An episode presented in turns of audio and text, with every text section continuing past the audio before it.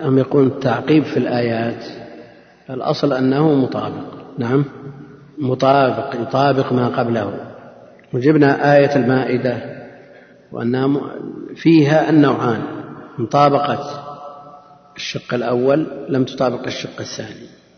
وأهل العلم يرجحون أن كانت العزيز الحكيم في هذا الموضع. من أراد أن يطلع على مثل هذا فليراجع القرطبي. في آية التوبة في آية الممتحنة في آخر الصفحة. نعم واغفر نعم. نعم. مقصود فيه آيات خرجت عن هذه القاعدة. خرجت عن هذه القاعدة.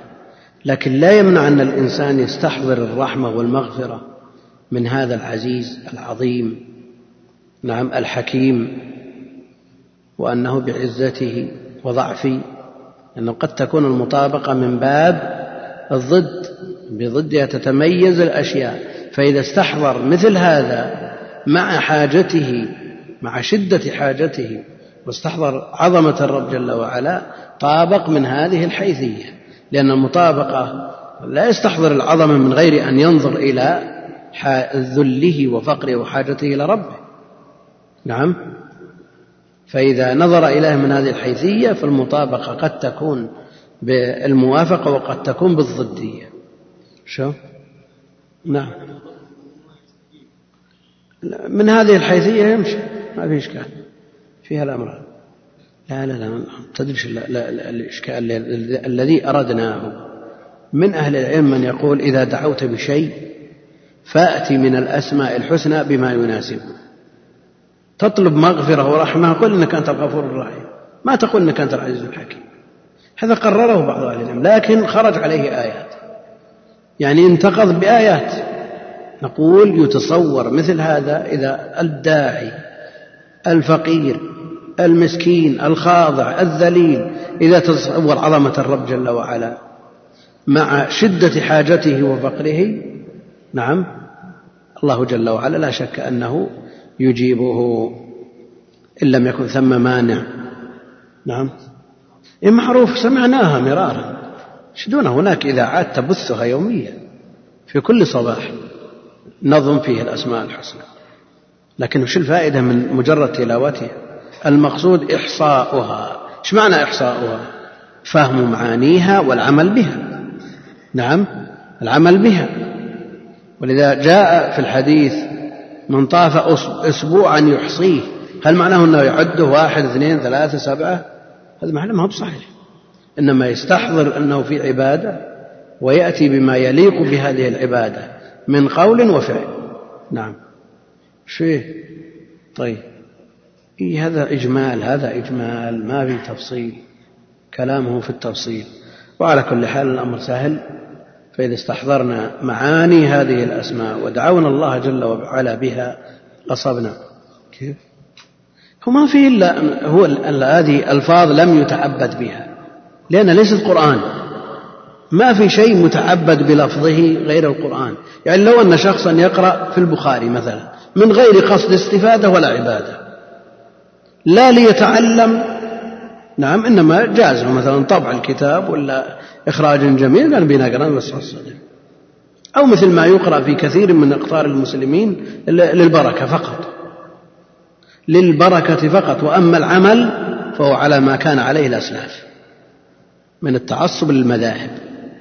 مثل هذا البخاري ما تعبد بلفظه ما في شيء متعبد بلفظه إلا القرآن الذي يثاب الإنسان على مجرد القراءة. فلا عدول لأهل السنة والجماعة عما جاء به المرسلون.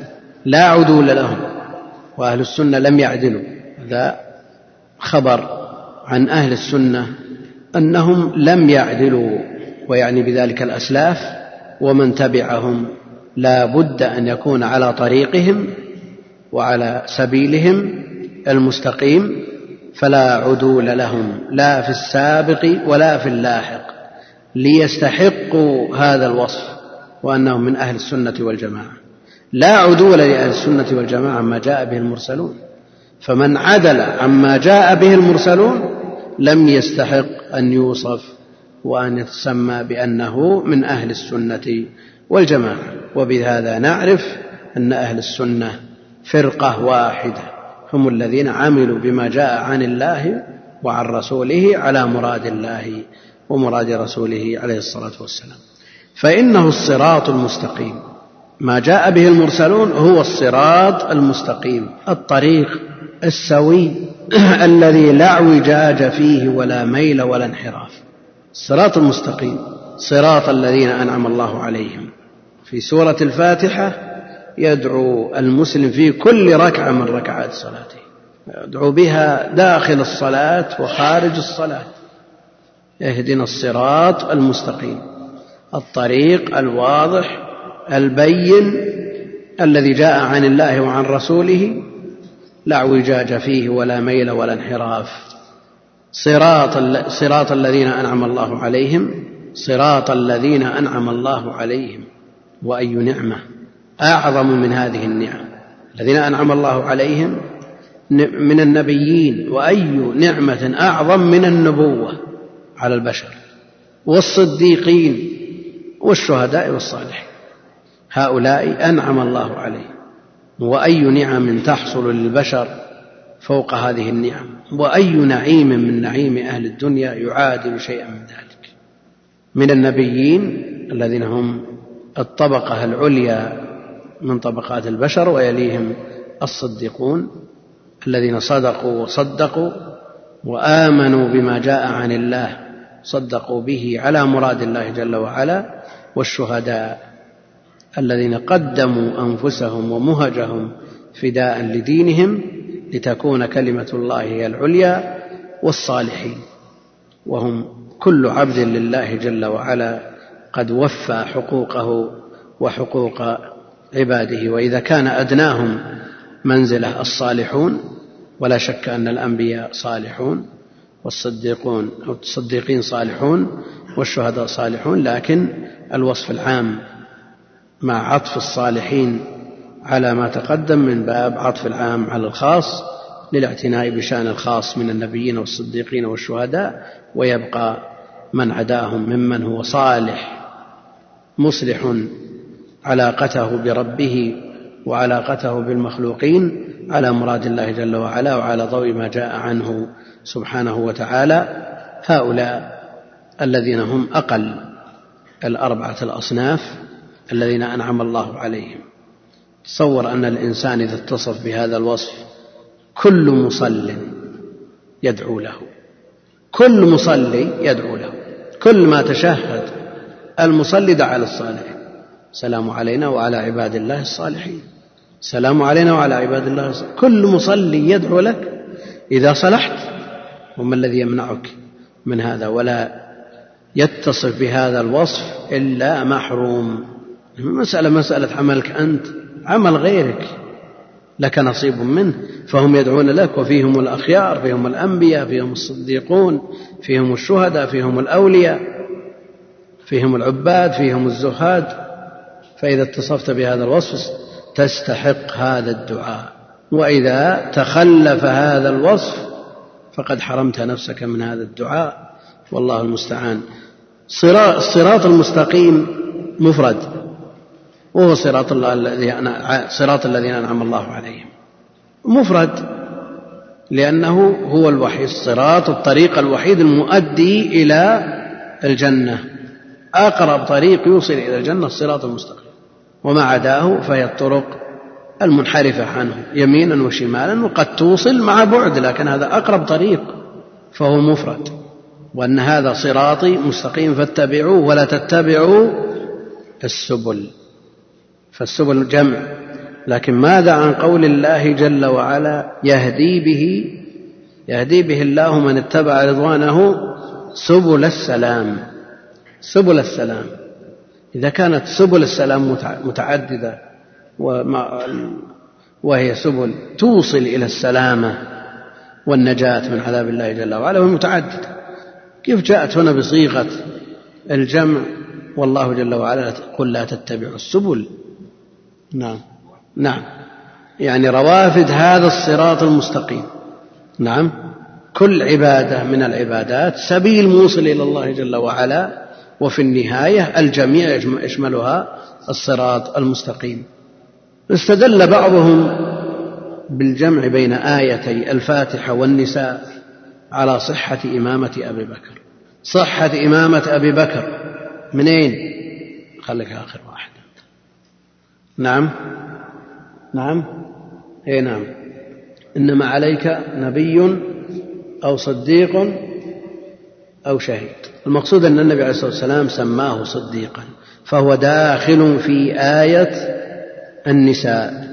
صراط الذين أنعم الله عليهم من النبيين والصديقين داخل في آية النساء. وقد أمرنا أن نسأل الله جل وعلا أن يهدينا صراط هؤلاء الذين أنعم الله عليهم. صراط الذين أنعمت عليهم وهم المذكورون في سورة النساء. نحن مأمورون بأن نسأل الله جل وعلا أن يهدينا صراطهم وطريقهم.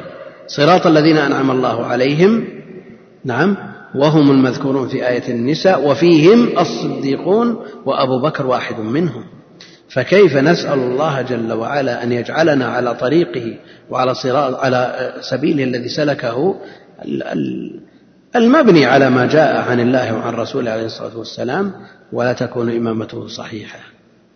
إمامته باطلة ونحن نسأل الله في كل صلاة أن يهدينا صراطه هذا ليس بصحيح. نعم. الصلاح أعم وأشمل من أن يكون دون ما ذكر. الصلاح أعم ولذا أردف الصالح أردف الصالحين بما تقدم من الأنبياء من النبيين والصديقين والشهداء من باب عطف العام على الخاص. فالأنبياء صالحون والصديقون صالحون والشهداء صالحون ومن عداهم ممن صلحت علاقته بربه وبخلقه على ضوء ما جاء عن الله جل وعلا فهو صالح. نعم؟ هذا قلنا إن العطف يقتضي المغايرة. نعم؟ لكن ما الذي ما من الآيات؟ إنا أوحينا إليك كما أوحينا إلى إيش؟ نوح والنبيين. من باب عطف العام على الخاص يقول ذكرت فيما مضى من الدروس أن نثبت ما أثبته الله ورسوله من غير تشبيه. الشيخ قال تمثيل. ذكرت أن من وقع في التحريف والتكييف والتعطيل سببه أن مر بقنطرة التشبيه. نعم. ولو تخيلا ولو في ذهنه. هو توقع أن الإثبات يقتضي إيش؟ التشبيه والتمثيل تشبيه الخالق بالمخلوق فتوصل إلى التعطيل. يقول أفلا يكفي أن نقول إثبات ما أثبته الله ورسوله من غير تشبيه فقط دون ما بعدها لأنها شرح لها؟ نعم. ما دام جاء التحريف ووصف به قوم منحرفون يحرفون الكلمة عن مواضعه فلا بد من إثباته. والتكييف أيضا التمثيل هذا. التمثيل جاء النفي ليس كمثله شيء. والتحريف جاء وصف قوم منحرفين به إذا لا بد من نفيه. والتكييف جاء أيضا في قول في كلام السلف. والتعطيل معروف عند أهل العلم أن الجهمية وغيرهم معطلة فلا نثبت على طريقتهم لأنهم يثبتون شيئا لا يمكن وجوده إلا في الأذهان لا في الأعيان. فلا بد من التفصيل الذي ذكره الشيخ. هذا يسأل يقول هل من قارب الثلاثين سنة يستطيع أن يحفظ؟ أم أنه صعب؟ لا شك أنه أصعب من الحفظ في وقت الصبا في وقت الصغر. الحفظ في وقت الصغر كالنقش في الحجر لكن مع ذلك لا يأس لا يأس. فحفظ الناس وهم كبار. ويكفي الإنسان أن يأتيه أن يأتيه اليقين وهو على هذا الطريق طريق طلب العلم. الذي إذا سلكه سهل الله له به طريقا إلى الجنة. والحفظ من أعظم ما يعين على استحضار المعلومات ويفيد طالب العلم لأنه كيف يفهم شيء لا كلام لا يحفظه؟ إذا كان الفهم مطلوب والفهم مرتب على الحفظ فكيف يستقر في الذهن شيء مرتب على معدوم؟ نعم مرتب على معدوم. نعم من في يده الكتاب ويشرح الكتاب ويفهم الكتاب شيء لكن مثلوا بالمثال المطابق وهو أن الحافظ وغير الحافظ مثالهما بمن زاده التمر ومن زاده البر. من زاده التمر يمد يده ويأكل ما يحتاج إلى أدنى تعب ما عليه إلا أن يخرج النواة ويأكل. نعم هذا الحافظ متى ما أراد ردد هذا الكلام واستحضره. لكن غير الحافظ الذي زاده البر. إيش يسوي في البر؟ نعم لا بد من أن يطحن لا بد أن يصفى لا بد أن يعجن لا بد أن يخبز لا بد أن يعانى. فيه معاناة وفيه معالجة. وأنت لا إذا كنت لا تحفظ لا بد أن تذهب إلى المكتبة لا بد تحضر كتاب ولا بد تنظر في الفهرس ولا بد تصفح الكتاب لتستخرج ما تريد. فرق بين هذا. فالحفظ لا بد منه ولا يأس ولو بلغ من العمر ما بلغ يحاول. يحاول. ألا يكفيه أن يموت وطالب علم؟ لا يلزم من الإنسان أن يكون عالم. وقد رتبت الأجور على بذل الأسباب. والنتائج بيد الله جل وعلا. أنت حينما تطلب العلم هل تجزم بأنك في يوم من الأيام تكون عالم الأمة؟ ما يلزم. ولو مت عن طالب علم يكفيك. وأنت تزاول الدعوة هل يلزم من ذلك أنك تستحضر أن الناس لا بد أن يهتدوا على يديك؟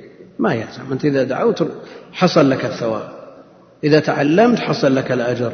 إذا أمرت ونهيت حصل لك الأجر ولو لم يتغير المنكر ليس ليس عليك إلا أن تبذل ما أمرت به.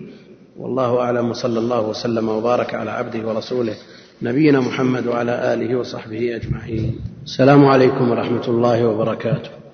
هذا سائل يقول أقول سائل يقول قلتم سابقا إن قول شيخ الإسلام مما تبرأ به الذمة عند الحديث عن الذات.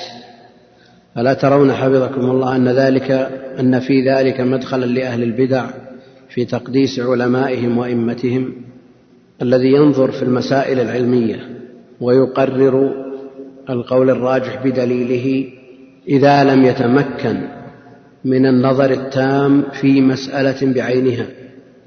بجمع جميع ما يحف بها من أدلة إذا لم يتمكن من ذلك فلا مانع من أن يقلد في هذه المسألة بعينها التي لم يستطع إدراك جميع ما ورد فيها.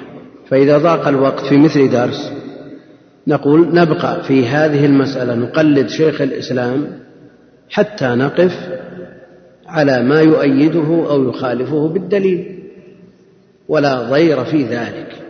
وأما الاجتهاد المطلق في كل مسألة مسألة بعينها فهذا قد يستحيل.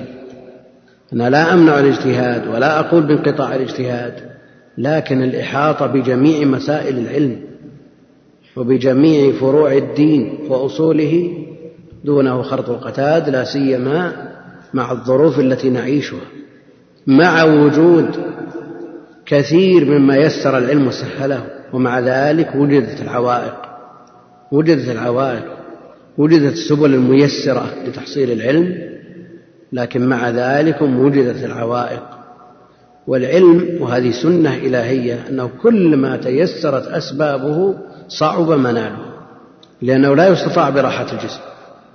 وهذه الأمور الميسرة وأنت على سرير نومك تضغط زر ويخرج آه، تصل إلى ما تريد من معلومات هذه لا شك أنها ليست من مصلحة طالب العلم الذي يريد أن يؤسس ويؤصل نفسه على الجادة المعروفة عند أهل العلم.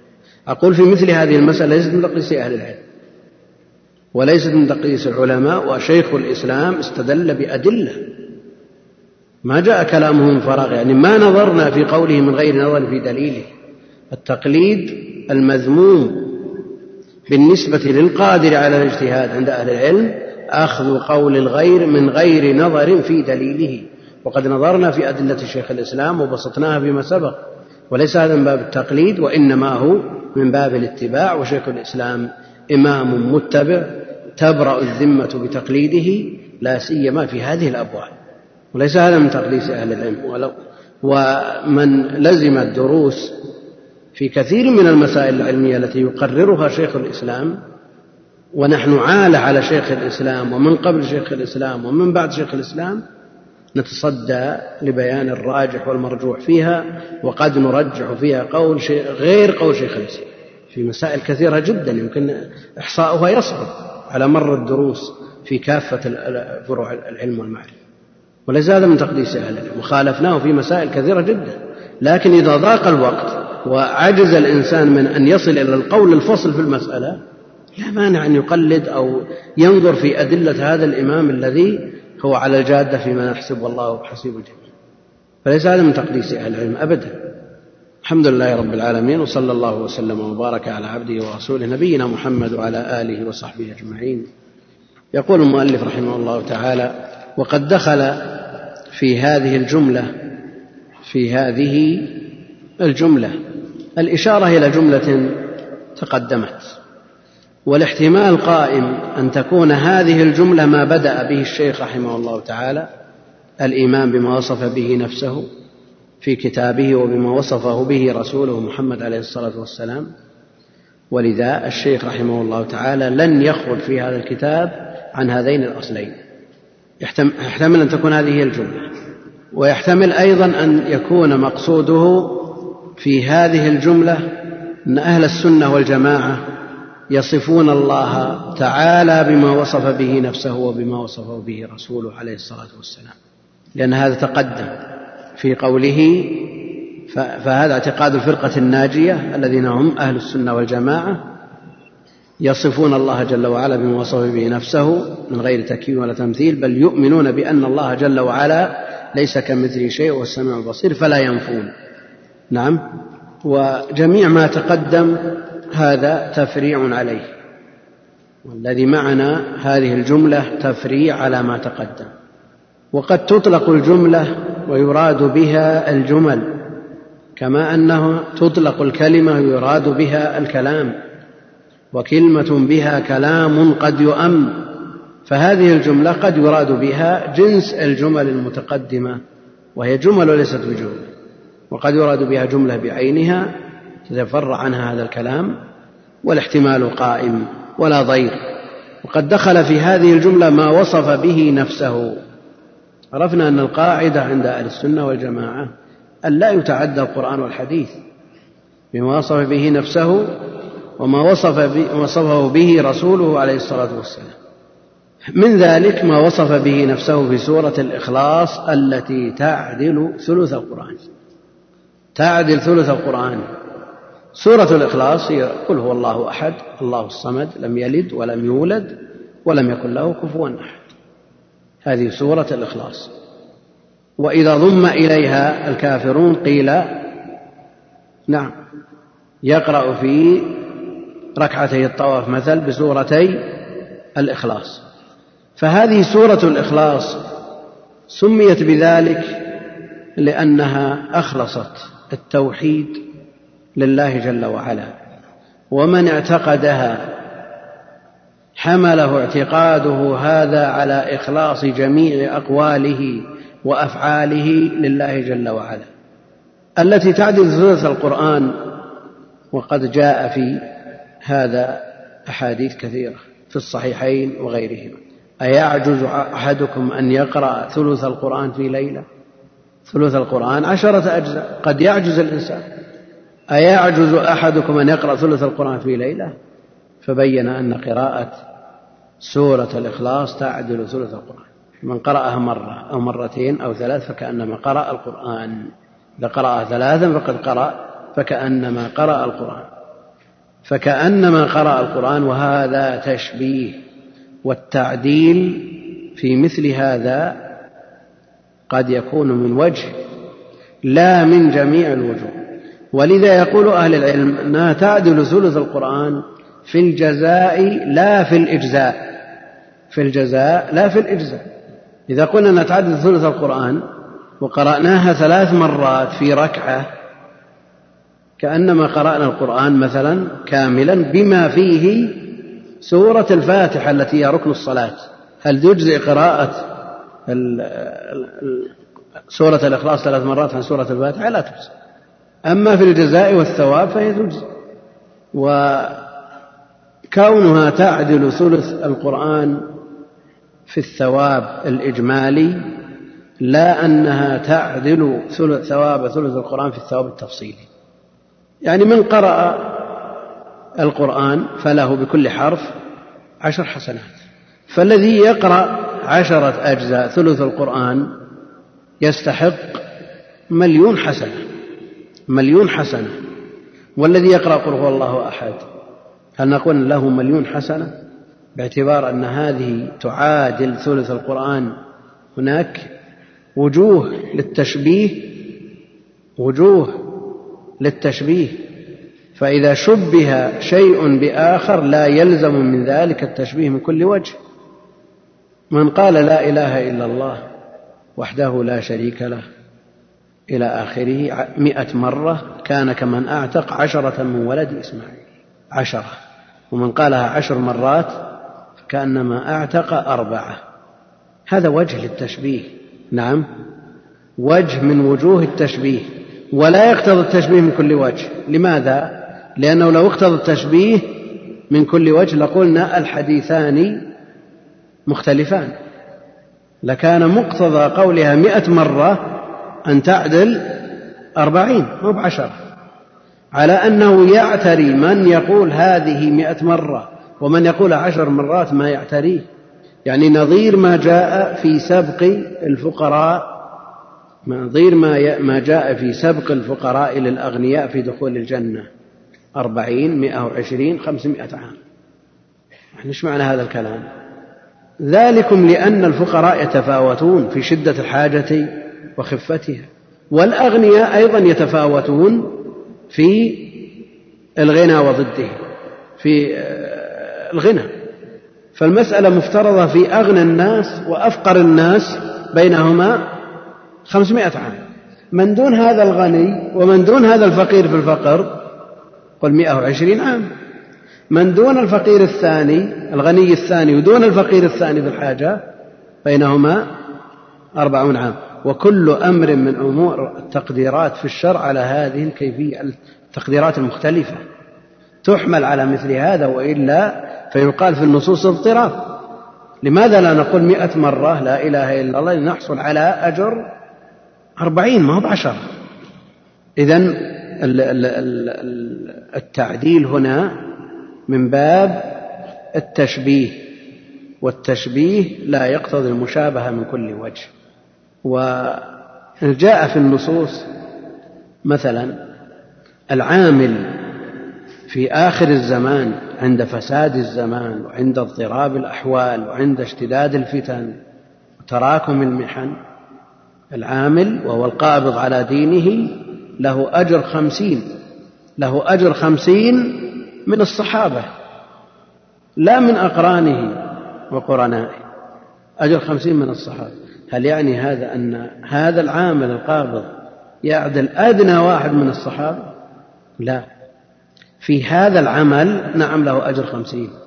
لكن في غيره من الأعمال لو أنفق أحدكم مثل أحد ذهبا ما بلغ مد أحدهم ولا نصيف شرف الصحبة لا يدركه أحد ممن هو دون الصحابة مهما بلغت به أعماله مهما بلغت به أعماله.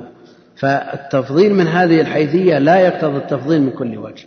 ويقول حيث يقول قل هو الله أحد الله الصمد لم يلد ولم يولد ولم يكن له كفوا أحد. شيخ الإسلام له تفسير لسورة الإخلاص تفسير نفيس. وله أيضا كتاب في هذه المسألة جواب أهل العلم والإيمان بتحقيق ما أخبر به رسول الرحمن من أن قل هو الله أحد تعدل ثلث القرآن. وجه التعديل مثلا وجه التعديل وهذا يوضح لنا نعم آه، أيضا التشبيه من أي وجه. القرآن يشتمل على ثلاثة أجزاء منها ما يتعلق بالله جل وعلا ما يتعلق بالله جل وعلا ومنها ما يتعلق بأفعال المكلفين من الأحكام الأوامر والنواهي ومنها ما يتعلق بغيره من الأمم السابقة في القصص وغيره.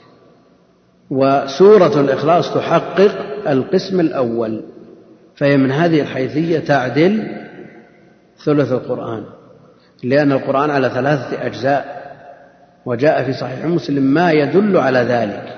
شيخ الإسلام رحمه الله تعالى يقول بعد سئل شيخ الإسلام تقي الدين أبو العباس أحمد بن تيمية رضي الله عنه عما ورد في سورة قل هو الله أحد أنها تعدل سورة القرآن وكذلك ورد في سورة الزلزلة وقل يا أيها الكافرون والفاتحة هل ما ورد في هذه المعادلة ثابت في المجموع أم في البعض؟ ومن روى ذلك وما ثبت في ذلك وما معنى هذه المعادلة وكلام الله واحد من نسبة إليه عز وجل وهل هذه المفاضلة بتقدير ثبوتها متعدية إلى الأسماء والصفات أم لا؟ الصفات القديمة والأسماء القديمة هل يجوز المفاضلة بينها مع أنها قديمة؟ ومن القائل بذلك؟ وفي أي كتبه قال ذلك؟ ووجه الترجيح في ذلك بما يمكن من دليل عقلي ونقلي فأجاب رحمه الله الحمد لله أما الحديث أما, أما الذي أخرجه أصحاب الصحيح كالبخاري ومسلم فأخرجوا فضل قل هو الله أحد. وروي عن الدار قطني أنه قال لم يصح في فضل سورة أكثر مما صح في فضلها. وكذلك أخرجوا فضل فاتحة الكتاب. قال صلى الله عليه وسلم فيها أنه لم ينزل في التوراة ولا في الإنجيل ولا في القرآن مثلها. لم يذكر فيها ولم يذكر فيها أنها تعدل جزءا من القرآن كما كما قال في قل هو الله أحد أنها تعدل ثلث القرآن. في صحيح البخاري عن الضحاك عن أبي سعيد الخدري قال قال رسول الله صلى الله عليه وسلم لأصحابه أيعجز أحدكم أن يقرأ بثلث القرآن في ليلة؟ قال قال نعم. قال فشق ذلك عليهم وقالوا أينا يطيق ذلك يا رسول الله؟ قال الله الواحد الصمد ثلث القرآن. وهذا يراد به التعبير عن السورة وليس هذا لفظها الله الواحد الصمد ثلث القرآن. يعني السورة التي يثبت فيها الأحدية لله جل وعلا والصمدية تعدل ثلث القرآن. قال قل هو الله أحد تعدل ثلث القرآن وروى مسلم. وفي صحيح مسلم عن معدان بن أبي طلحة عن أبي الدرداء عن النبي صلى الله عليه وسلم قال أيعجز أحدكم أن, يكون أن يقرأ في ليلة ثلث القرآن؟ قالوا وكيف يقرأ ثلث القرآن؟ قال قل هو الله أحد تعدل ثلث القرآن. وروى مسلم أيضا عن أبي الدرداء رضي الله عنه عن النبي صلى الله عليه وسلم قال إن الله جزأ القرآن ثلاثة أجزاء. إن الله تعالى جزأ القرآن ثلاثة أجزاء. فجعل قل هو الله أحد جزءا من أجزاء القرآن. وفي صحيح البخاري عن عبد الرحمن بن عبد الله بن أبي صعصعة عن أبي سعيد أن رجلا سمع يقرأ قل هو الله أحد يرددها فلما أصبح إلى آخره. هذه تعدل ثلث القرآن وسبق أن قلنا أن التعديل في الجزاء لا في الإجزاء. ولذا لو اعتمر أحد في رمضان هل تجزئه هذه تجزئه هذه العمرة عن حجة الإسلام؟ هل يقول بهذا أحد؟ لم يقل به أحد. قد ثبت في الصحيح أنها تعدل حجة. رواية الحجة مع النبي عليه الصلاة والسلام. فمثل هذه الأمور إنما تذكر للترغيب في ما ورد فيه النص. ولا يعني أن المشابهة تكون من كل وجه. أن عن أبي سعيد أن رجلا سمع رجلا يقرأ قل هو الله أحد يرددها فلما أصبح جاء إلى النبي عليه الصلاة والسلام فذكر ذلك له وكان وكأن الرجل يتقالها فقال رسول الله صلى الله عليه وسلم والذي نفسي بيده إنها لتعدل ثلث القرآن. وأخرج عن أبي سعيد قال أخبرني أخي قتادة بن النعمان أن رجلا قام على زمن رسول الله صلى الله عليه وسلم يقرأ من السحر قل والله أحد لا يزيد عليها الحديث بنحوه وفي صحيح مسلم. عن أبي هريرة قال قال رسول الله صلى الله عليه وسلم احشدوا. يعني اجتمعوا. فإني سأقرأ عليكم ثلث القرآن. قال فحشد من حشد. يعني اجتمع من اجتمع. ثم خرج نبي الله صلى الله عليه وسلم فقرأ قل هو الله أحد ثم دخل. فقال بعضنا لبعض إني أرى هذا خبرا جاءه من السماء. فذاك الذي أدخله ثم خرج نبي الله صلى الله عليه وسلم فقال إني قلت لكم سأقرأ عليكم ثلث القرآن ألا إنها تعدل ثلث القرآن. وفي لفظ له قال خرج علينا رسول الله صلى الله عليه وسلم فقال أقرأ عليكم ثلث القرآن فقال قل هو الله أحد الله الصمد حتى ختمها. وأما حديث الزلزلة وقل يا أيها الكافرون فروى الترمذي عن أنس بن مالك إلى آخره. فصل وأما السؤال عن معنى هذه المعادلة مع الاشتراك في كون الجميع كلام الله فهذا السؤال يتضمن شيئين. أحدهما أن كلام الله هل بعضه أفضل من بعض أم لا؟ هل كلام الله بعضه أفضل من بعض أم لا؟ أما باعتبار القائل والمتكلم هو الله جل وعلا فكلامه واحد كلامه واحد. وأما باعتبار الموضوع الذي يعالجه هذا الكلام فلا شك أنه متفاوت متفاوت ومتفاضل. وأعظم سورة في القرآن الفاتحة وأعظم آية في كتاب الله آية الكرسي وهذا أفعل تفضيل يدل على التفاضل والتفاوت. فالتفاضل والتفاوت موجود وقرره علماء الإسلام. ولو نظرنا إلى سورة الإخلاص والسورة التي قبلها نعم هذا بات ليلة يكرر قل هو الله أحد نعم وجاء في فعله ما جاء من النص في الصحيح. لكن لو كرر في ليلة تبت يدا أبي لهب وتب يحصل له مثل هذا الأجر. نعم. يعني بات ليلة يكرر إنما أشكو بثي وحزني إلى الله. يعني من كرر هذه الآية. واتقوا يوما ترجعون فيه إلى الله. يعني تكرير هذه الآية وتدبر هذه الآية. مثل آية يسألونك عن المحيض قل هو أذى مثلا وبات شخص يكررها ليلة كاملة وسمع فأدخل في كتب المغفلين. وإن كانت كلام الله وباعتبار القائل لا تنقص شيئا عن قول الله أحد باعتبار القائل لكن موضوع يعني موضوع سورة المسد مثلا جاءت في ذم أبي لهب وهذه جاءت في أعظم موضوع. الذي هو التوحيد وإفراده بالعبودية. إفراد الله جل وعلا بالخلق والرزق والتدبير والعبودية وإخلاص الأسماء والصفات له. مثل تبت يدا أبي لهب وتب هذا ما قرره شيخ الإسلام رحمه الله تعالى. والثاني ما معنى قل هو الله أحد تعدل ثلث القرآن وما سبب ذلك فنقول. فنقول أما الأول فهو مسألة كبيرة والناس متنازعون فيها نزاعا منتشرا فطوائف يقولون بعض كلام الله أفضل من بعض كما نطقت به النصوص النبوية حيث أخبر عن الفاتحة أنه لم ينزل في الكتب الثلاثة مثلها وأخبر عن سورة الإخلاص أنها تعدل سورة القرآن وعدلها لثلثه يمنع مساواتها لمقدارها من الحروف. وجعل آية الكرسي أعظم آية في القرآن كما ثبت ذلك في الصحيح أيضا. وكما ثبت ذلك في صحيح مسلم أن النبي عليه الصلاة والسلام قال لأبي بن كعب يا أبا المنذر أتدري أي آية في كتاب الله معك؟ أعظم. قال قلت الله ورسوله أعظم. قال يا أبا المنذر أتدري أي آية من كتاب الله أعظم؟ قال قلت قال فقلت الله لا إله إلا هو الحي القيوم. قال فضرب في صدري وقال ليهنك العلم أبا المنذر.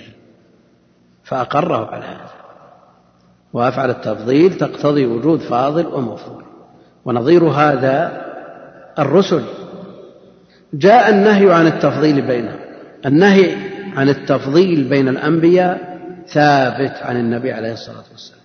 وجاء بخصوص التفضيل تفضيل النبي عليه الصلاة والسلام خير ولد آدم على يونس ابن متى. لا تفضلوني على يونس ابن متى. جاء التعميم لا تفضلوا بين الأنبياء. يعني في قصة اليهودي مع المسلم حينما ضربه المسلم وقال والذي فضل موسى على البشر ضربه المسلم لأنه يرى أن محمدا عليه الصلاة والسلام أفضل من موسى وهذا هو الحق الذي لا مرية فيه. فقال النبي عليه الصلاة والسلام لا تفضلوا بين الأنبياء. وجاء أيضا على سبيل الخصوص لا تفضلوني على يونس ابن متى. متى يمنع التفضيل؟ والله جل وعلا يقول تلك الرسل فضلنا بعضهم على بعض تلك الرسل فضلنا بعضهم على بعض. يعني قصة المسلم مع اليهودي في حال مشاجرة ومشادة وفي مثل هذا الظرف لا بد وأن يتنقص المفضل عليه. لا بد من أن يتنقص. الآن لو أنت جالس في مجلس ثم يحصل تفضيل بين مشايخ فلان أعلم من فلان أو فلان أعلم ثم يطول النزاع والجدال لا بد أن ينال من الشخص من, من الشيخين. لأن كل واحد يريد أن ينتصر لرأيه ويرفع قدر صاحبه. قل مثل هذا فيما حصل بين اليهودي والمسلم. لا شك أن اليهودي يتنقص محمد ثم بعد ذلك قد تحمل الغيرة آه، هذا المسلم على أن يتنقص موسى فحسم الموضوع. النبي عليه الصلاة والسلام حسم المادة وسد الذريعة الموصلة إلى هذا بمنع التفضيل. لا تفضلون على يونس. يونس حصل منه ما حصل. مما قصه الله جل وعلا في كتابه مما قد يجعل بعض الناس ينتقصونه.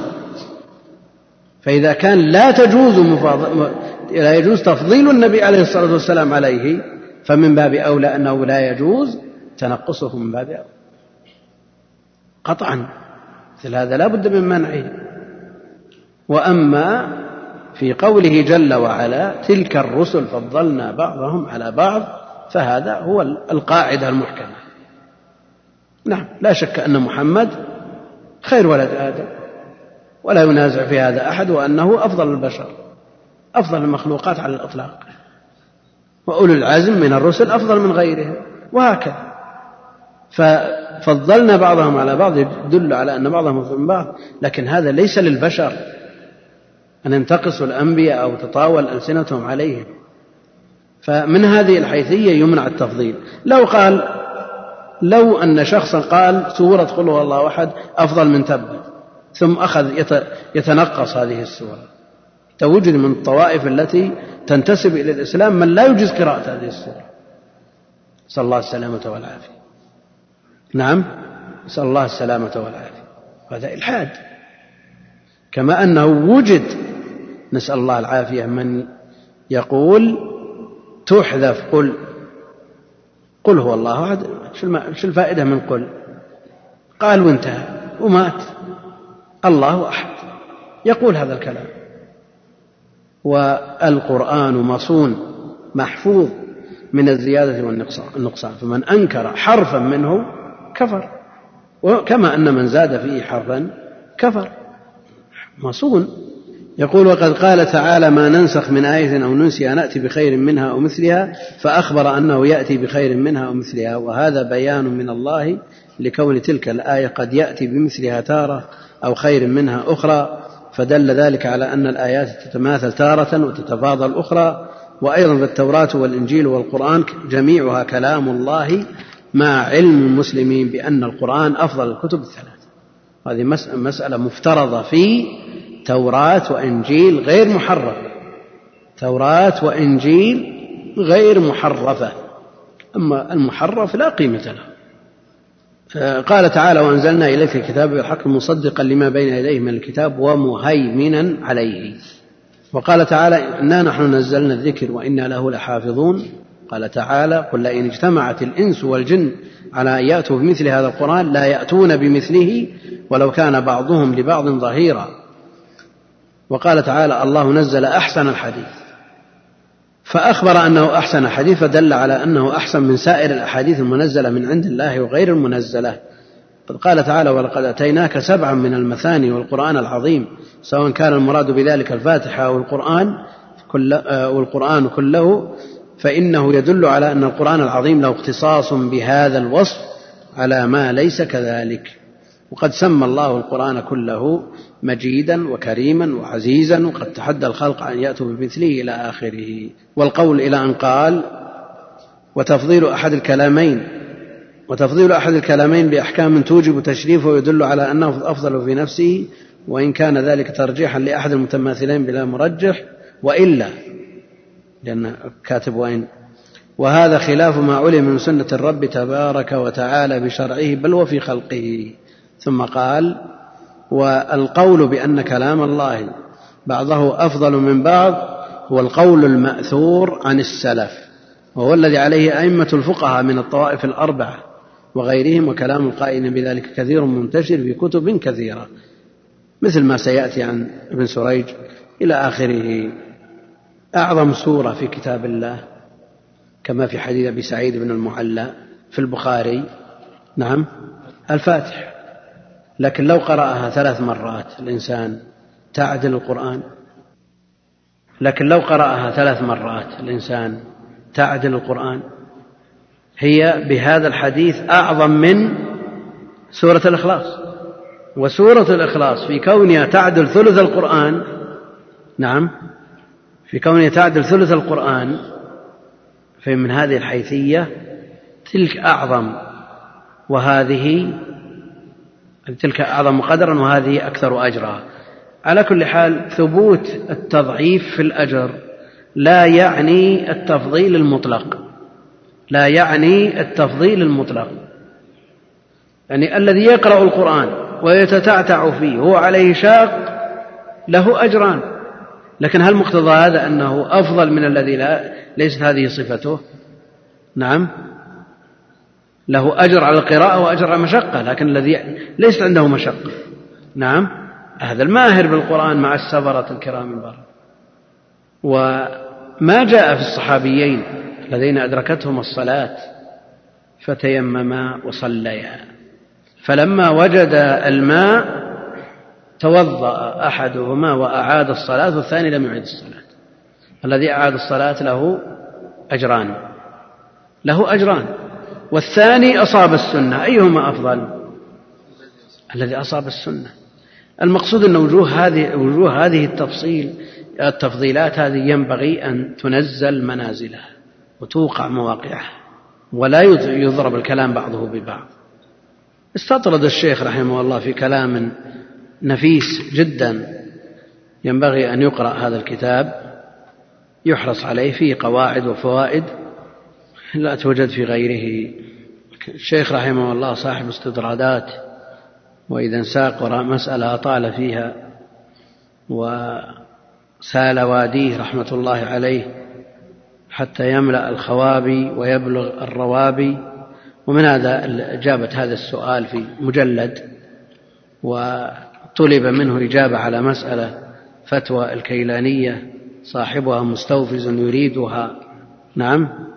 فكتب رحمه الله أكثر من مئتي صفحة. هذا كله في هذه المسألة. ما وجد أن شق السؤال الثاني إلى الآن ما جاء. طيب ولا يشكل صنيع شيخ الإسلام في الاستطراد الذي يحتاج إليه وهو من معين الكتاب والسنة. ما هو كلام إنشاء يجلس الإنسان يقرر المسألة في مجلد ثم يمكن اختصارها في صفحة. نعم هذا لا يمكن أن تستغني عن شيء منه. لأنه من معين الكتاب والسنة وإلا فمثل هذا يشكل على كلام الحافظ بن رجب رحمه الله تعالى الذي يقول من أزرى بعالم لقلة كلامه وفضل عليه غيره لكثرة كلامه فقد أزرى بسلف هذه الأمة وأئمتها لأن كلام السلف قليل جدا. نعم. يقول وسنبين إن شاء الله تعالى أن إذا كانت قل هو الله أحد تعدل ثلث القرآن لم يلزم من ذلك أنها أفضل من الفاتحة ولا أنها يكتفى بتلاوتها ثلاث مرات عن تلاوة القرآن بل قد كره السلف أن تقرأ إذا قرئ القرآن كله إلا مرة واحدة كما كتبت في المصحف. نعم فإن القرآن يقرأ كما كتب في المصحف لا يزاد على ذلك ولا ولا ينقص منه. على كل حال نحيلكم على هذا الكتاب وطالب العلم الحريص على مثل هذه المسائل يعض على مثل هذا الكتاب بالنواجذ. اسم الكتاب جواب أهل العلم والإيمان. جواب أهل العلم والإيمان بتحقيق ما أخبر به رسول الرحمن من أن قل هو الله أحد تعدل ثلث القرآن.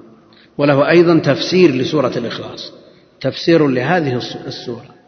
حيث يقول قل هو الله أحد قل يا محمد لمن طلب منك من المشركين أن تنسب له ربك أو أن تصف له ربك؟ أجبه بهذا الجواب. قل هو الله أحد. لأنه ذكر في سبب نزولها أن المشركين قالوا للنبي عليه الصلاة والسلام صف لنا ربك.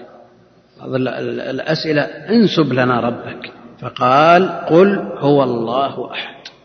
قل هو الله أحد. هو الضمير يعود على ما ورد في السؤال لأن السؤال كالمعاد في الجواب لأن السؤال كالمعاد في الجواب. مثل ما نقول قال رسول الله صلى الله عليه وسلم هو الطهور ماؤه الحل ميتته. الضمير يعود على إيش؟ على البحر المسؤول عنه. قل هو الله أحد. هو الله أحد. هو مبتدا وخبره لفظ الجلاله واحد وصف أو مبتدا اول ومبتدا ثاني وخبر المبتدا الثاني والجمله خبر المبتدا الأول والله العلم على الذات المقدسه الذي سبق الحديث عنه وفي قول جمع من أهل العلم أنه هو الاسم الأعظم. أحد الواحد الأحد المتفرد من جميع الوجوه واحد في ذاته في أسمائه في صفاته في أفعاله. أحد وهو من الأسماء المشتركة. سئل ثعلب إمام من أئمة التحقيق في اللغة وعلى منهج السلف الصالح. ثعلب سئل هل الآحاد جمع أحد؟ هل الآحاد جمع أحد؟ قال حاشا أن يكون للأحد جمع. حاشا أن يكون للأحد جمع فهو بجوابه نزع إلى أن المسؤول عنه الاسم من أسماء الله جل وعلا الوارد في هذه السورة. وما دام الله جل وعلا, وعلا واحد أحد فرد صمد لا يجمع. نعم لا يجمع. ولذا لا تقول الرحمانون ولا الرحيمون لكن تقول الراحمون. نعم. تقول الراحمون يرحمهم الرحمن. ما تقول الرحمانون فالاسم من أسماء الله جل وعلا لا يجمع ولا يثنى لأنه واحد. لا نظير له ولا هل تعلم له سمية فلا يجمع. وهو بهذا ينزع إلى هذا الاسم من أسماء الله جل وعلا. وإلا هل ينكر ثعلب أو غير ثعلب من أئمة اللغة أن في الشهر أربعة آحاد؟ جمع أحد؟ نعم. المسبوق بالسبت والمثلوب بالاثنين من أيام الأسبوع ينكر ولا ما ينكر؟ ما يمكن أن ينكر. لا هو ولا غيره. قل هو الله أحد. الله الصمد. الله الصمد. الذي تصمد إليه الخلائق وتحتاج إليه ولا تستغني عنه بحال. لا تستغني عنه بحال. فتصمد إليه الخلائق كلها في حوائجها. هذا قول الأكثر ومنهم من يقول أن الصمد الذي لا جوف له. الصمد الذي لا جوف له.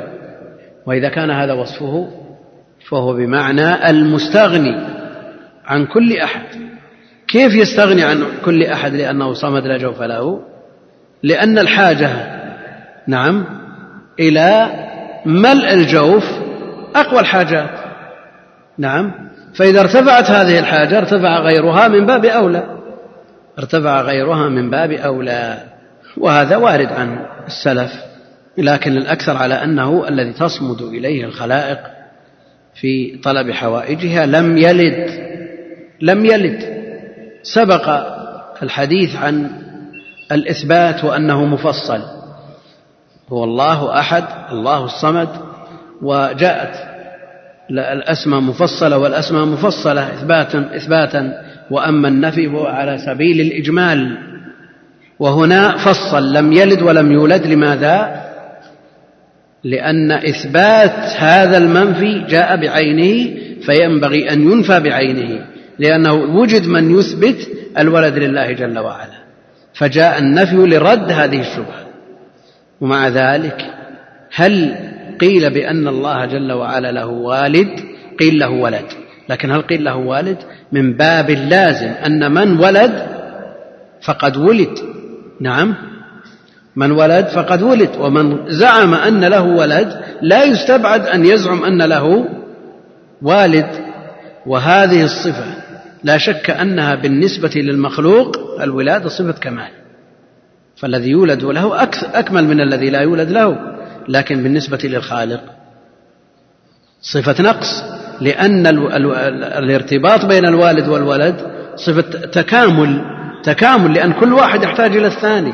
الولد محتاج إلى الوالد في الإنفاق عليه في حال الضعف في رعاية مصالحه في تربيته في تدريبه. والوالد محتاج إلى ولده في إعانته على أعماله لا سيما إذا احتاج إلى الولد لم يلد ولم يولد. ولم يكن له كفوا أحد. لم يكن له كفو. لم يكن له مثيل ولا نظير ولا مقارب ولا شبيه ولا ما أبدا. أحد من الأحد. وهذا فيه تقديم وتأخير وأسلوب التقديم والتأخير معروف في لغة العرب وفي النصوص. والأصل ولم يكن له أحد كفوا. وأحد هذه تأتي نعم يعني في غير اسمه جل وعلا. أحد الذي سبق الحديث عنه الذي يأتي في الإثبات وهذه تأتي في النفي. نعم فينفى أن يكون أحد له كفوا أو يكون أحد له شبيها أو نظيرا أو سميا. صلى الله وسلم وبارك على عبده ورسوله نبينا محمد وعلى آله وصحبه أجمعين. السلام عليكم ورحمة الله وبركاته. أحسن الله إليك. الحمد لله رب العالمين وصلى الله وسلم وبارك على نبينا محمد وعلى آله وصحبه أجمعين. أما بعد فقد قال المصنف رحمه الله تعالى وقوله سبحانه وهو الأول والآخر والظاهر والباطن. بدون بدون واو. هو الأول والآخر والظاهر هو الأول والآخر والظاهر والباطن وهو بكل شيء عليم. وقوله سبحانه وتوكل على الحي الذي لا يموت وقوله وهو العليم الحكيم وقال العليم. وهو العليم. هو العليم الحكيم. وهو العليم الحكيم وهو العليم وهو العليم الخبير يعلم ما يلج في الأرض وما يخرج طبعة الشيخ ابن مانع رحمه الله فيها أخطأ فيها أخطاء على أن النسخ لم تتفق على ترتيب الآيات. نعم؟ ففي بعض النسخ تقديم هو الأول والآخر كما هنا وفي بعضها تقديم وتوكل على الحي الذي لا يموت. التقديم والتأخير أمره يسير لكن الإشكال في أن يؤتى بآية في غير موضعها. فالشيخ رحمه الله تعالى يسوق آيات العلم. نعم. يعلم ما يلج في الأرض وما يخرج منها وما ينزل من السماء وما يعرج فيها وعنده مفاتح الغيب لا يعلمها إلا هو. ويعلم ما في البر والبحر وما تسقط من ورقة إلا يعلمها ولا حبة في ظلمات الأرض ولا رطب ولا يابس إلا في كتاب مبين. وقوله وما تحمل من أنثى ولا تضع إلا بعلمه. وقوله لتعلموا أن الله على كل شيء قدير وأن الله قد أحاط بكل شيء علما. وقوله الحمد لله رب العالمين وصلى الله وسلم وبارك على عبده ورسوله نبينا محمد وعلى آله وصحبه أجمعين. يقول المؤلف رحمه الله تعالى في أول الأدلة على إثبات الأسماء والصفات وقد دخل في هذه الجملة ما وصف به نفسه في سورة الإخلاص وما وصف به نفسه في أعظم آية في كتابه. نعم ثم عطف فقال وقوله سبحانه لأن المعطوف عليه مجرور في سورة الإخلاص في أعظم آية نعم وقوله يعني وفي قوله سبحانه هو الأول والآخر والظاهر والباطن وهو بكل شيء عليم. هو الأول أول. جاء تفسير هذه الأسماء الأربعة المتقابلة في الحديث الصحيح. اللهم أنت الأول فليس قبلك شيء. وأنت الآخر فليس بعدك شيء. وأنت الظاهر فليس فوقك شيء. وأنت الباطن فليس دونك شيء. وخير ما يفسر به كلام الله جل وعلا بكلامه تعالى. فإن لم يوجد فبكلام نبيه عليه الصلاة والسلام. وهنا يفسر بالحديث الصحيح. الأول الذي ليس قبله شيء أولية مطلقة. والفائدة من هذا التفسير أن الأولية قد تطلق ويراد بها الأولية النسبية. فلما جاء قوله عليه الصلاة والسلام الأول الذي ليس قبله شيء لنفي مثل هذا الاحتمال في أولية مطلقة وأولية نسبية. مثال ذلك نعم صلاة الكسوف أول نعم. لو قيل مثلا فلان الطالب فلان أول من حضر اليوم أو الموظف اليوم أول أو هو من حضر أول من حضر اليوم فلان. بالنسبة لهذا اليوم أولية نسبية هو الأول. لكن بالنسبة لما تقدمه من الأيام يعني هل يلزم من قولنا أول من حضر الأولية المطلقة؟ نعم بحيث لا يتقدمه شيء لا يلزم من ذلك. ومن أوضح الأمثلة صلاة الكسوف. مثلنا بها في مرارا. حيث قال فقام قياما طويلا نحو من سورة البقرة ثم قام قياما طويلا يعني بعد الركوع الأول طويلا قام قياما طويلا دون القيام الأول ثم قال في القيام الثالث فقام قياما طويلا دون القيام الأول وقال في القيام الرابع فقام قياما طويلا دون القيام الأول. القيام الأول الذي يلي تكبيرة الإحرام وقبل الركوع الأول أوليته مطلقة لأنه ليس قبله قيام. الثاني الذي بعد الركوع ثاني قبله قيام لكنه بالنسبة للثالث والرابع أول. ولذلك قال في الثالث وهو دون القيام الأول هل يريد بهذا القيام الأول أولية مطلقة أو أولية نسبية؟ نعم. طيب في القيام الرابع قال وهو دون القيام الأول هل يقصد بذلك الأول أولية مطلقة أو الثاني الذي أوليته نسبية أو الثالث الذي هو أول بالنسبة للرابع؟ هذه أولية نسبية. ألا يحتمل أن يراد بالأول أولية مطلقة هنا؟ وما الذي يترتب على هذا؟ يعني في صلاة الكسوف. إذا قلنا المراد بالأول في المواضع الثلاثة الأولية المطلقة قلنا أن القيامات الثلاثة متساوية تشترك في كونها دون القيام الأول أولية مطلقة. وإذا قلنا أولية نسبية فيكون الأول أطول ثم الذي يليه الثاني أقل منه وأطول من الثالث. نعم؟ ثم الثالث دون الثاني وأطول من الرابع. فيكون كل قيام دون الذي قبله. وهذا بناء على الأولية النسبية. وجاء التفسير بالحديث الصحيح ليرفع مثل هذا الاحتمال تكون الأولية مطلقة هو الأول لكن هل يقوم قولنا القديم مقام الأول؟ نعم لا يقوم لا يقوم مقامه ومن أهل العلم من يصف الرب جل وعلا بأنه قديم ويصف كلامه بأنه قديم نعم لأن القدم أيضا نسبي فلو كان عندك قلم أو ساعة أو أي آلة من الآلات من العام الماضي مثلا نعم وعندك قلم جديد اشتريته هذه الأيام يكون قلم العام الماضي قديم.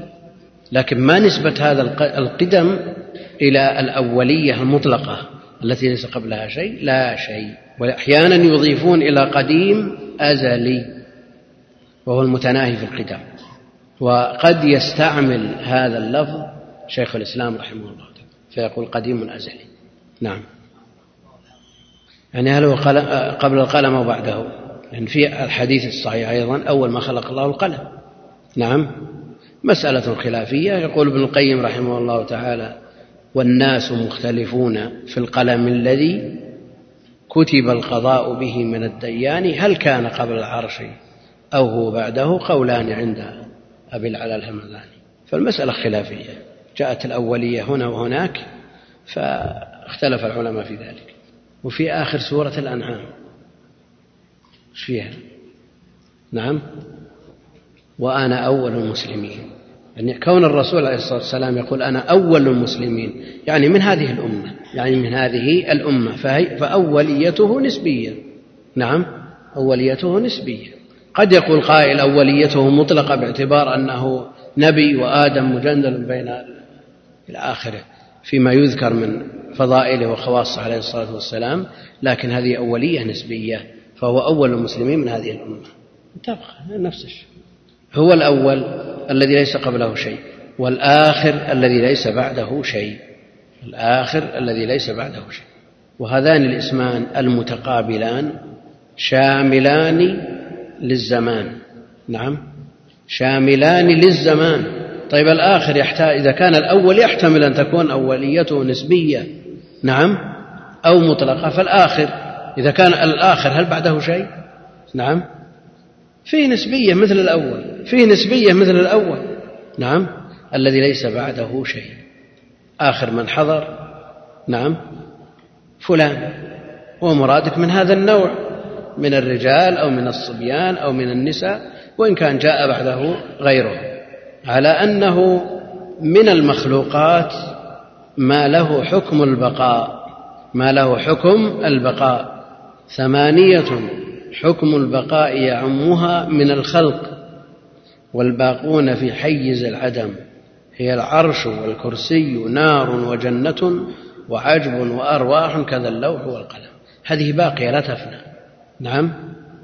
ولئلا يتصور أنها باقية وآخريتها كآخرية الله جل وعلا قال النبي عليه الصلاة والسلام والآخر الذي ليس بعده شيء. لئلا يتوهم اشتراكها مع الله جل وعلا في هذا الاسم. فجاء الحديث لنفي مثل هذا التوهم. فالله جل وعلا هو الأول وهو الآخر. الذي ليس قبله شيء مستوعب لأول الزمان وهو الآخر الذي ليس بعده شيء مستوعب لآخر الزمان. فالمسألة استوعبت هذان الاسمان استوعب الزمان من بدايته إلى ما لا نهاية. والظاهر والباطن. الظاهر جاء تفسيره في الحديث الصحيح الذي ليس فوقه شيء. ليس فوقه شيء. وهذه العلو المطلق الثابت بدلائل الكتاب والسنة. مستو على عرشه بائن من خلقه الظاهر يعني العالي على كل شيء. فليس فوقه شيء. والظهور هو العلو ليظهره على الدين كله يعني ليعليه على الدين كله. وظهر الدابة لأنه أعلاها لكن ظهر الإنسان. نعم. ماذا عن ظهر الإنسان؟ نعم. آه. يعني هل ظهر الإنسان من الظهور من من العلو أو من الظهور والوضوح؟ ممكن. والظاهر الذي ليس فوقه شيء والأدلة الدالة على علوه جل وعلا لا تحصر. والباطن الذي ليس دونه شيء. هذا استيعاب لإيش؟ للمكان. استيعاب للمكان. وهذا الوصف الباطن الذي ليس دونه شيء قريب من صفة القرب الثابتة. ونحن أقرب إليه من حبل الوريد. قريب من صفة القرب. وهو بكل شيء عليم. بكل شيء عليم. فعلمه محيط بكل شيء. بجميع الأشياء. دقيقها وجليلها. كلياتها وجزئياتها. خلافا للفلاسفة الذين يزعمون أن الله جل وعلا يعلم الكليات ولا يعلم الجزئيات. خلافا لمن ينفي صفة العلم. ينفي أن الله جل وعلا متصف بصفة العلم. فلا يعلم الأشياء إلا بعد وقوعها. لئلا يلزم من ذلك أنه نعم الجبر. لئلا يلزم من ذلك الجبر. ووقعوا في شر مما فروا منه. والأئمة يقولون ناظروهم بالعلم. فإن أنكروه كفروا. وإن أقروا به خصموا. فلجأوا إلى عدم إثبات الصفة. نعم ونفي نقيضها. هم لا يقولون الله جل وعلا يعلم متصف بصفة العلم لكن يقولون لا يجهل. لأن من لازم نفي العلم إثبات الجهل والجهل صفة نقص. فهم لا يريدون يفرون من إثبات صفة النقص إلى أن ينفوها فيقولون لا يجهل. لا يجهل. أيضا هذه صفة نقص لأن الجمادات لا تجهل. لما قالوا لا يجهل قال السارية لا تجهل. السارية لا تجهل. ومع ذلك هي جماد. هذه الآية اشتملت من الأسماء على الأول والآخر والظاهر والباطن والعليم. واشتملت من الصفات الأولية والآخرية والظهور وما يقابلها وصفة العلم بكل شيء عليم والعموم محفوظ عموم الآية محفوظ فلا يخرج عن علمه شيء. قوله سبحانه وتوكل على الحي الذي لا يموت توكل فوض أمورك على الله جل وعلا.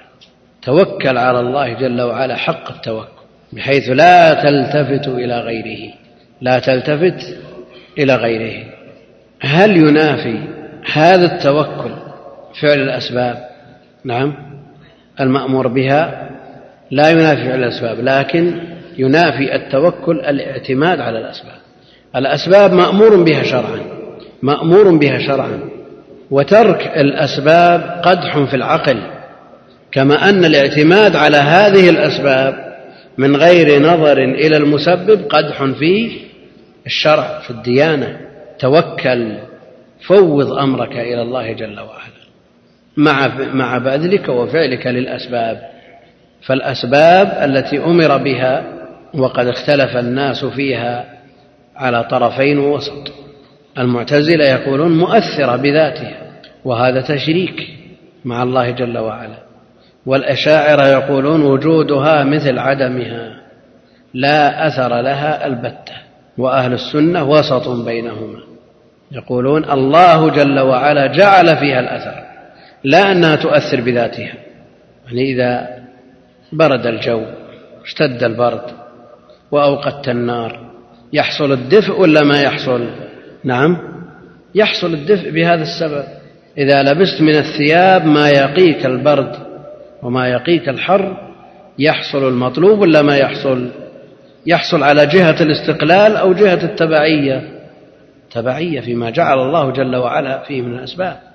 ولذا لو أراد الله جل وعلا سلب هذه الأسباب منافعها ولذلك لما أراد لإبراهيم عليه السلام أن تكون النار عليه بردا وسلاما سلبت أخص أوصافها وهي الحرارة ولذا إذا أراد الله شيئا يسر أسبابه. قد يلبس الإنسان من الثياب الشيء الكثير ولا يتعرض للبرد ومع ذلك يصاب. نعم لأن الله جل وعلا أراد إصابته. فهذه الأسباب لا تنفرد بالتأثير كما أنها لها لها أثر لكنها لا تستقل بهذا الأثر. الأشاعرة حينما قالوا إنها لا أثر لها أوقعهم هذا في المضحكات. يعني حينما يقول قائلهم أن أعمى الصين يجوز أن يرى بقة الأندلس. إيش سبب هذا الكلام؟ يجوز أن يرى أعمى الصين بقة الأندلس. لأن البصر سبب للإبصار والبصر والسبب لا أثر له. نعم. يعني هل ينكرون أن الأعمى لا يرى شيئا؟ نعم. هم يقولون المبصر والإبصار حصل عنده لا به. من أجل أن يخرجوا من مثل هذا المأزق. يعني كلام مضحك ما يقوله عاقل. لكن أرادوا الخروج من هذا المأزق. فقالوا إن الإبصار يحصل عند البصر لا به كما أن الري والشبع يحصل عند الأكل والشرب لا به. توكل على الحي. نعم؟ أيوه. لا بالحرف بالحرف. نص بالحرف. لا لا من كتبهم ناخذ. قد لا يوجد في كتبهم المؤلفة في الفن نفسه لكن في كتب شروح الحديث موجود بكثرة هذا نعم. الإشكال مثل هذا الكلام الدقيق قد يخفى وينقله بعض طلاب العلم بعض من آه، عنده شيء من العلم وهو لا يدركه. يعني السفاريني وهو محسوب على أهل السنة وهو حنبلي. نعم هو تساهل مع بعض الفرق كالأشاعرة والماتريدية فأدخلهم في أهل السنة. يقول عن المتواتر أن العلم يحصل عنده لا به. نعم. هذا شك أنه تأثر. نعم تأثر بمذهبهم. توكل على الحي الذي لا يموت. توكل على الحي الذي لا يموت. استشعار الحياة الكاملة التي لا يعتريها نقص بوجه من الوجوه يكون سبب في تمام التوكل. فإذا عرف العبد أن الله جل وعلا حي حياة كاملة مطلقة لا يعتريها نقص بوجه من الوجوه حمله ذلك على التوكل حق التوكل. هو الأول في الآية الأولى تعريف الجزئين المبتدأ والخبر. نعم يدل على الحصر. هذا بالنسبة للأسماء الأولى. منحصرة بالله جل وعلا. لأن تعريف الجزئين يدل عليه. في الآية الثانية توكل على الحي الذي لا يموت وعلى الله فتوكلوا إن كنتم مؤمنين. هذا أيضا أسلوب حصر. فالتوكل لا يكون إلا على الله جل وعلا. هنا من مضايق الأنظار في هذا الباب وهو التوكل على الله جل وعلا حق التوكل مع مزاولة الأسباب. قد يضيق الأمر على المكلف. ما معنى أنني أزاول السبب ولا ألتفت إليه؟ أذهب إلى الطبيب للعلاج ومع هذا أن أجزم بأن هذا الطبيب لا دور له في المسألة. إنما هو مجرد سبب. يعني بعض الناس لا شك أنه يرد على قلبه ما يرد في هذا الباب. لأن هناك مسائل لا بد من دقة النظر فيه وأنت تفعل السبب وأنت تلبس الثياب لتبرز إلى الفضاء والعراء أنت تتوكل على الله جل وعلا. فكونك لا تلتفت إلى هذا السبب يحتاج ذلك منك إلى يقين قوي وثقة مطلقة بالله جل وعلا. ولذا أمرنا بالأسباب. والعلاج عند أهل العلم. بعض أهل العلم نعم يرجحه على تركه. فما معنى أن أباشر العلاج وأنا واثق بالله جل وعلا إلا إذا وصلت إلى منزلة نعم تؤهلني إلى هذا؟ فهناك مسائل مضايق بلا شك. وتجد كثير من الناس يعزب عنه هذا الأمر في أحلك الظروف. ومحتاج حاجة شديدة ماسة إلى هذا الطبيب أو غريق يحتاج إلى من ينقذه. نعم فتجده أحيانا يتفوه بكلام ينافي التوكل لأنه وقع في ورطة في هلكة. وما يعلم أن الله جل وعلا هو الذي يسر له هذا السبب. ولذا جاء في حق السبعين الألف الذين يدخلون الجنة من غير حساب ولا عذاب أنهم يتركون بعض الأسباب ثقة بالله جل وعلا. لا يسترقون ولا يكتوون ولا يتطيرون وعلى ربهم يتوكلون نعم. كل هذا من باب تحقيق التوكل. باب تحقيق التوكل. وأما بالنسبة للعلاج فالخلاف بين أهل العلم في مباشرته أو تركه في ايهما الأفضل معروف.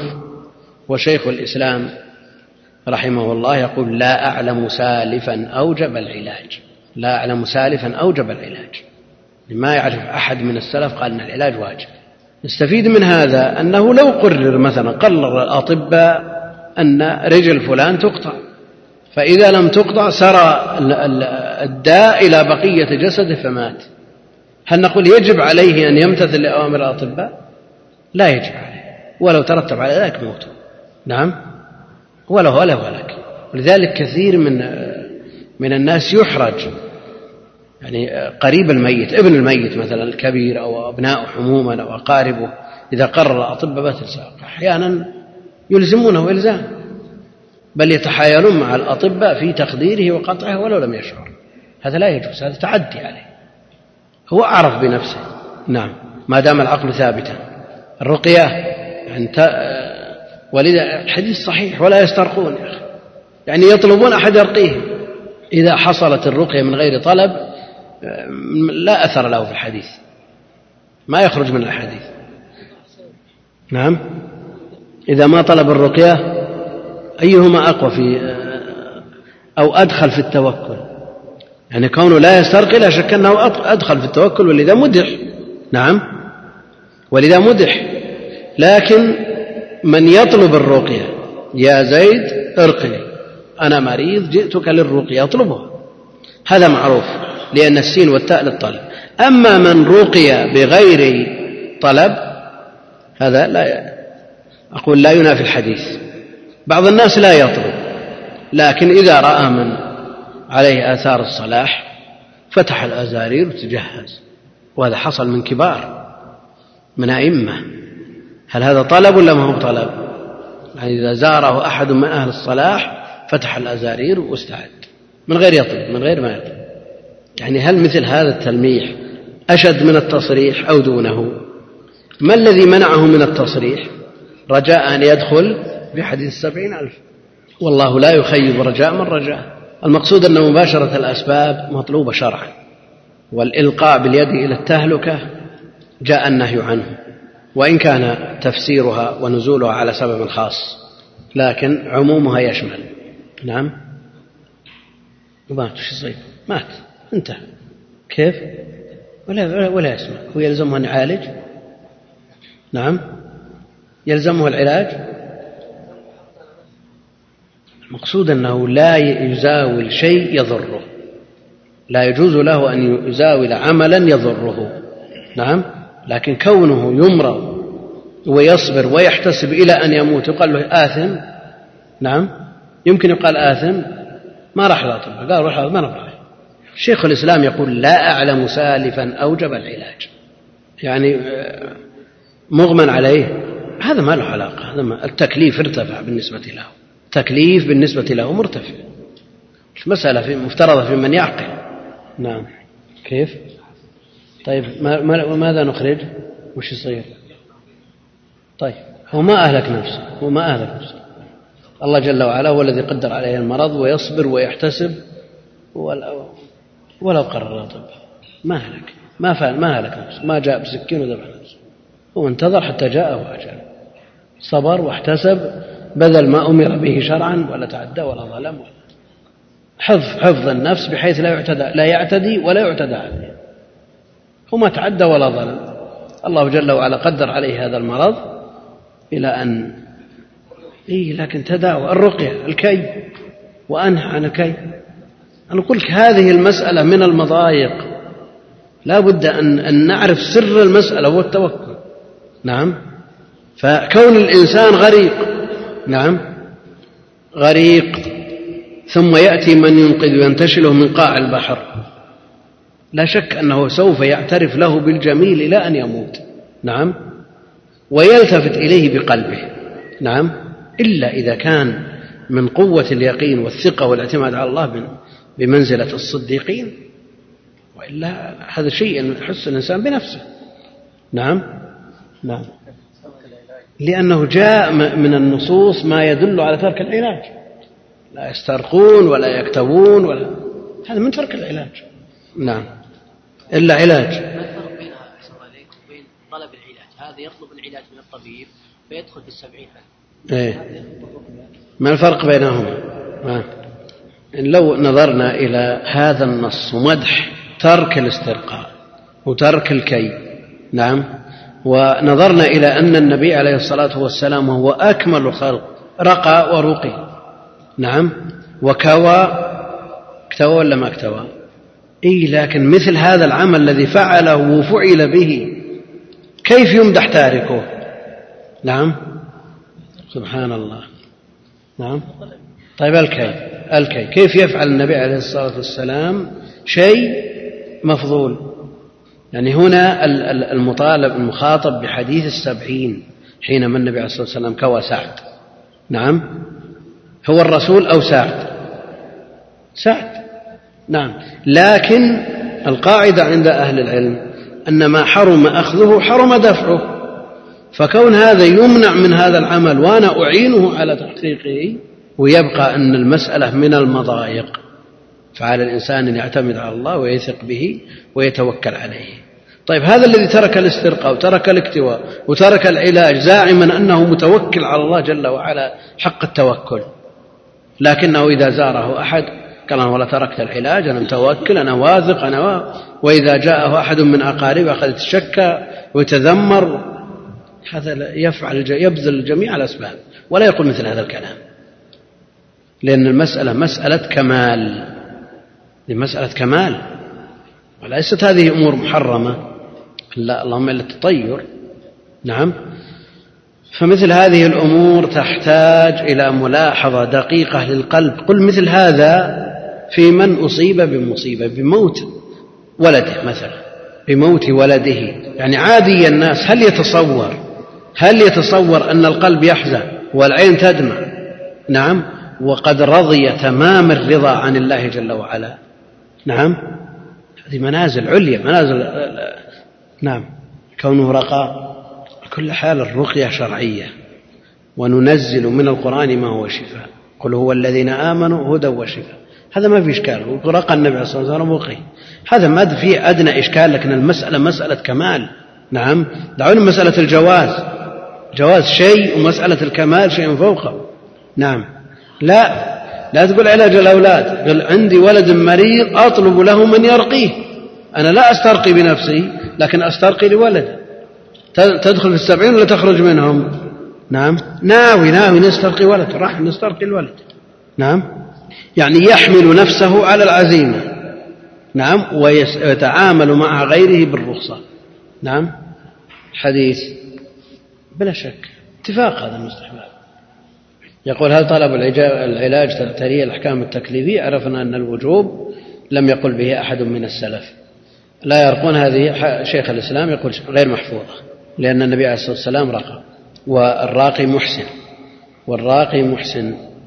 توكل على الحي الحياة الكاملة التي لا يعتريها نقص بحال من الأحوال بخلاف حياة المخلوق التي روحه في جسده وهو حي اتفاقا ودونها الحياة التي فارق فيها الحي روحه كالشهداء ومن باب أولى الأنبياء الذين حياتهم برزخية أما حياة الله جل وعلا فهي كاملة الكمال المطلق والذي لا يموت هذا مفهوم الحي. نعم. مفهوم الحي. نعم. نعم. مفهوم اللفظ الذي لا يموت. فتضافر على هذا المنطوق والمفهوم فأثبت بذلك الحياة الكاملة. نعم. إن لم يكن هذا فهو قد اعتمد عليه. إن لم يكن هذا الاستشعار فقد اعتمد على الطبيب. وعلى الطبيب. إن لم يكن هذا الاستشعار. يعني لو أن شخصا بلغ به الألم ما بلغ ثم ذهب إلى طبيب يعني وهو في طريقه أن الشفاء بيد الله جل وعلا. والاحتمال هل يشفى أو لا يشفى على يد هذا الطبيب؟ قائم. لكن أتى الطبيب بإبرة فضربه هذه الإبرة فخمد الألم تماما عاد طبيعيا. ماذا يجد في نفسه لهذا الطبيب؟ نعم. ما يشيد به في كل مجلس. إنه طبيب بارع ماهر. نعم. ما يمكن هذا. ونعود ونرجع ونكرر إلى أن الأصل أن المسألة قلبية وأن التعلق والارتباط لا بد أن يكون بالله جل وعلا. في مسألة موت الولد مثلا وحزن القلب ودمع العين مع الرضا تمام؟ الرضا عن الله جل وعلا. وعدم الاعتراض على القدر الذي لم يستطع التوفيق بينهما ضحك لما مات ولده في المسائل لا شك أنها تحتاج إلى تربية تحتاج إلى معالجة للقلب. كثير من الناس يصرح بأن لا كثير من الناس وهو يراجع الأطباء واعتمد عليهم اعتماد كلي وعلى العلاجات بحيث لو أمروه بأمر أي أمر كان لاطاع أطاعهم طاعة عمياء نعم. إيه. إيش فيه؟ وخشي من هذا رضي الله عنه وارضاه عمر رضي الله تعالى عنه خشي من هذا. فأبدله. ولو سبرنا حال الكبار سواء كانوا من أهل العلم أو من غيرهم تجد هذا الكبير يتدرج في الكمالات من بدايته إلى أن يصل إلى حد لا بد أن تقع منه هفوة. وهذه حكمة إلهية منفعة له ولغيره. لأنه لو استمر إلى أن مات وهو يرتفع صار خطر على الناس. نعم؟ وخطر عليه أيضا.